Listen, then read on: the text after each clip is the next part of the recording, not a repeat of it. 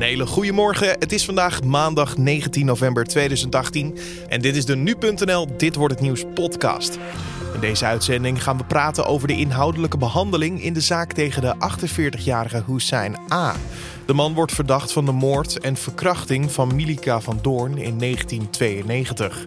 Wij praten straks over deze zaak met rechtbankverslaggever Joris Peters en de advocaat van de familie van Doorn, Richard Korver. Maar vanaf het moment dat de politie meldde uh, dat ze een verdachte hebben aangehouden waarvan zij denken dat het de dader is, uh, leven zij toe naar de rechtszaak. Uh, want zij zien graag dat zo'n dader ook daadwerkelijk bestraft wordt. En we gaan het ook hebben over poep en toiletten.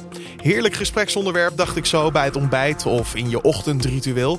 Maar het is echt belangrijk, want het IAE Delft opent vandaag namelijk een speciaal laboratorium wat onderzoek gaat doen naar onze uitwerpselen en het doel ervan. Wat het doel is, dat hoor je straks. Maar nu eerst kijken we kort naar het belangrijkste nieuws van nu.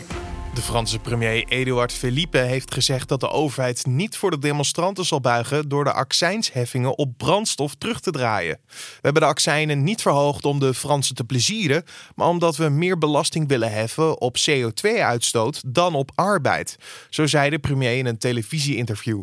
Michael Bloomberg, voormalig burgemeester van New York, heeft meer dan 1,5 miljard euro gedoneerd aan John Hopkins University in de stad Baltimore. Het geld is bedoeld voor studenten die zelf geen studie kunnen betalen. En de timing voor de gift is niet helemaal toevallig gekozen, want Bloomberg maakte vorige week bekend dat hij in 2020 mee wil doen aan de presidentsverkiezingen. Volgens de Telegraaf gaat Schiphol in 2019 meer proeven doen met gezichtsherkenning. Passagiers worden dan vanaf het inchecken tot het boorden gecontroleerd op basis van gezichtsherkenning en hoeven geen instapkaart of paspoort meer te laten lezen. Op deze manier moeten passagiers sneller doorstromen en wordt de wachttijd teruggedrongen. Ook zijn de passagiers gemakkelijker te traceren. Nederland staat in de top 3 op de ranglijst van kindersekstoerisme in Cambodja. Zo schrijft de Volkskrant vandaag. Kinderrechtenorganisatie Ted Hum meet het af naar het aantal gearresteerde kindermisbruikers. Volgens de organisatie scoort Nederland ook hoog in landen als Thailand, Nepal en de Filipijnen. Al zijn er geen ranglijsten van. Nou kijken we naar de dag van vandaag, oftewel dit wordt het nieuws. De inhoudelijke behandeling in de zaak tegen de 48-jarige Hussein A gaat vandaag van start. De man wordt verdacht van de moord en verkrachting van Milika van Doorn in 1992. De man kwam in beeld als verdachte na een DNA-verwantschapsonderzoek. Hoe er een DNA-match tot stand kwam en wat er allemaal in 1992 is gebeurd, dat vroeg ik aan rechtbankverslaggever Joris Peters. Ja, ja dat, dat kan ik wel een beetje. Het gaat inderdaad om een zaak uit 1992. Uh, uh, het meisje Milika van Doorn was die avond, uh, zondagavond 7 juni, op een, op een verjaardagsfeestje. wilde de bus pakken, maar was eigenlijk vergeten dat het Pinksteren was. Dus een andere dienstregeling. En, en besloot, omdat ze de bus niet meer kon halen, toen te gaan lopen. alleen zij kwam nooit thuis en de volgende ochtend is haar lichaam gevonden in een vijver.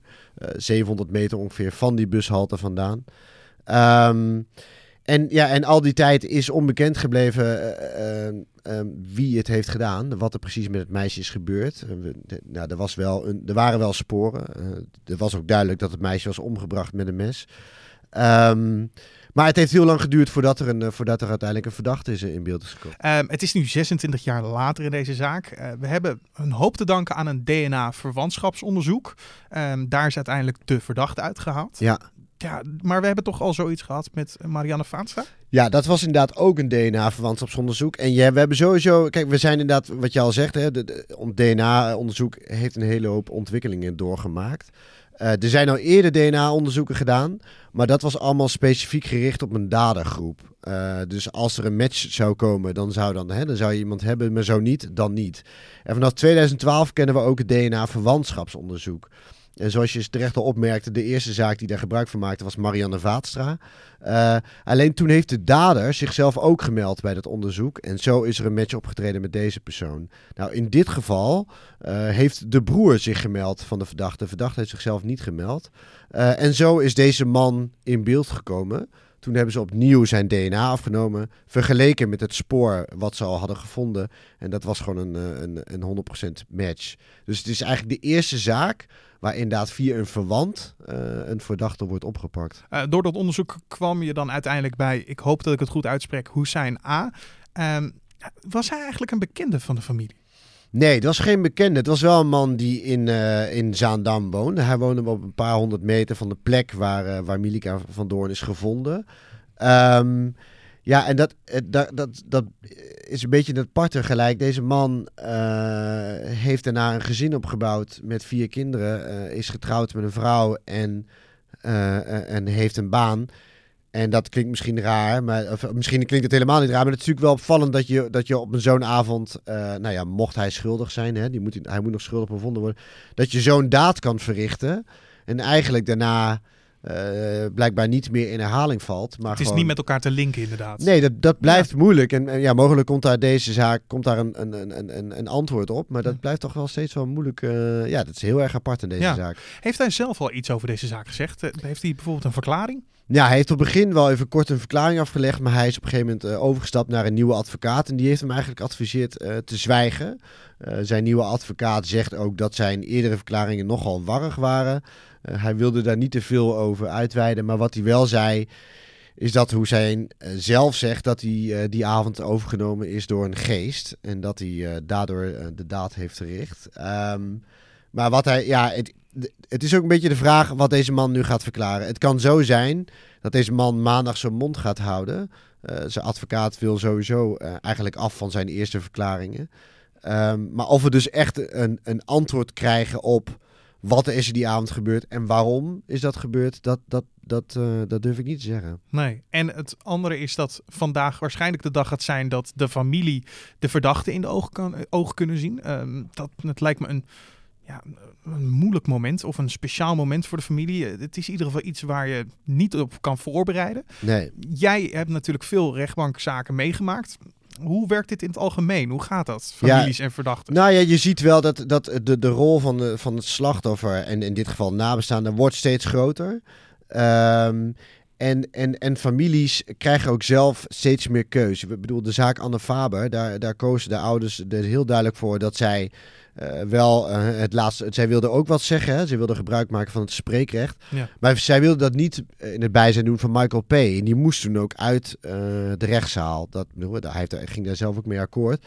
Maar zo zie je maar dat iedereen daar anders mee omgaat. En in dit geval wil deze familie die man, denk ik, toch graag zien. Hè? Je wil weten wat is er met ons zusje gebeurd, wat is er met onze dochter gebeurd en door wie is dat gedaan.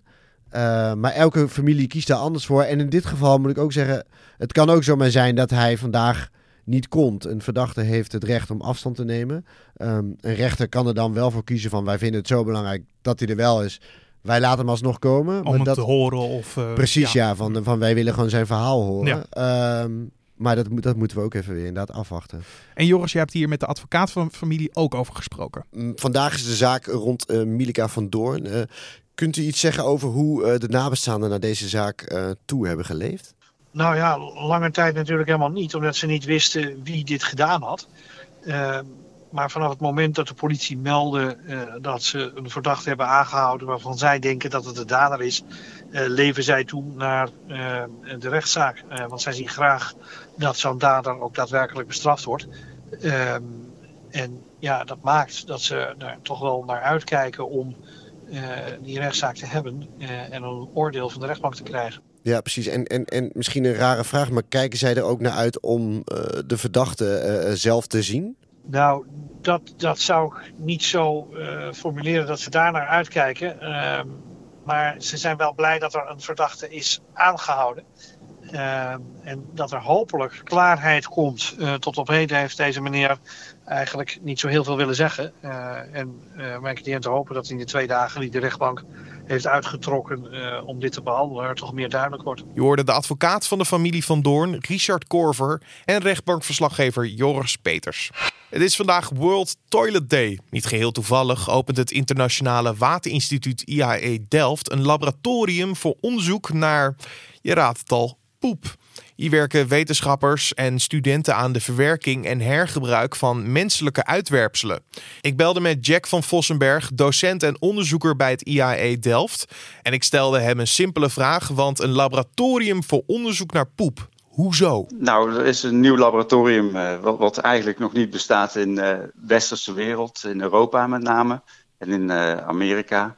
Uh, en dat is een, een lab wat uh, gespecialiseerd is in onderzoek naar poep. En ik las eigenlijk in een bericht dat er in de wereld bijna 900 miljoen mensen geen toegang hebben tot een toilet of iets wat erop lijkt. Ja. Ik kan me persoonlijk geen leven zonder wc voorstellen, maar hoe, hoe ziet dat leven er dan uit? Uh, nou, als je echt geen wc hebt, dan poep je gewoon buiten de deur. Dan loop je even naar buiten, je doet wat je moet doen en je loopt weer naar binnen. Dat kun je doen. Of je kunt uh, uh, andere dingen doen, zoals uh, je kunt natuurlijk ook een slootje opzoeken of zo. Het hoeft niet meteen voor de deur te zijn. Maar sommige mensen in sommige landen die poepen dan in een zakje. En dat zakje gooien ze dan over de schouder en dan is het weg. Ja. Dat noemen ze flying toilets. En waar doen jullie dan op dit moment onderzoek naar? Maar we kijken vooral naar mensen die, die een dingen gebruiken zoals latrines. En, en die latrines, dat zijn eigenlijk toiletten met een groot gat eronder. En uh, die raken op een gegeven moment vol. Dan moeten ze leeggepompt worden en dan kan er wat mee gedaan worden met die poep. Of het wordt gewoon uh, ergens uh, gedumpt, waardoor het langzaam verdwijnt. Waar moet ik dan aan denken? Want dat zijn dan uiteindelijk de oplossingen. Waar moet ik aan denken? Um, nou, wat ze op dit moment doen is zorgen dat die poep die, die verdwijnt in een vijvertje dat die dan uh, de bacteriën en alle andere beestjes die erin zitten die ongezond zijn, dat die uh, afgebroken worden. En dat ze dan uh, vervolgens de, de, het overgebleven deel, dat dat kan weggaan in een rivier. Mm -hmm. En ja, je kunt met poep kun je ook andere dingen doen. Je zou het kunnen drogen. Dan kun je het gebruiken als brandstof of zelfs als bouwmateriaal. Of je zou het in een bioreactor kunnen stoppen. Dus dan ga je biogas maken. Dus er zijn best wel wat mogelijkheden wat je kunt doen met poep. Ja, jullie zijn dus heel erg bezig met het feit wat je ermee kan doen. Of uh, ja, de achtergrond ervan, de gevaren ook. Uh, ja. Maar natuurlijk is het probleem dat er te weinig voorzieningen zijn. Bijvoorbeeld zo'n toilet die er dan in een dorp of plek niet is. Uh, maar als je nog nooit een toilet bijvoorbeeld hebt gezien in je leven, ga je dan gelijk wel gebruik maken van een toilet als hij je wordt aangeboden?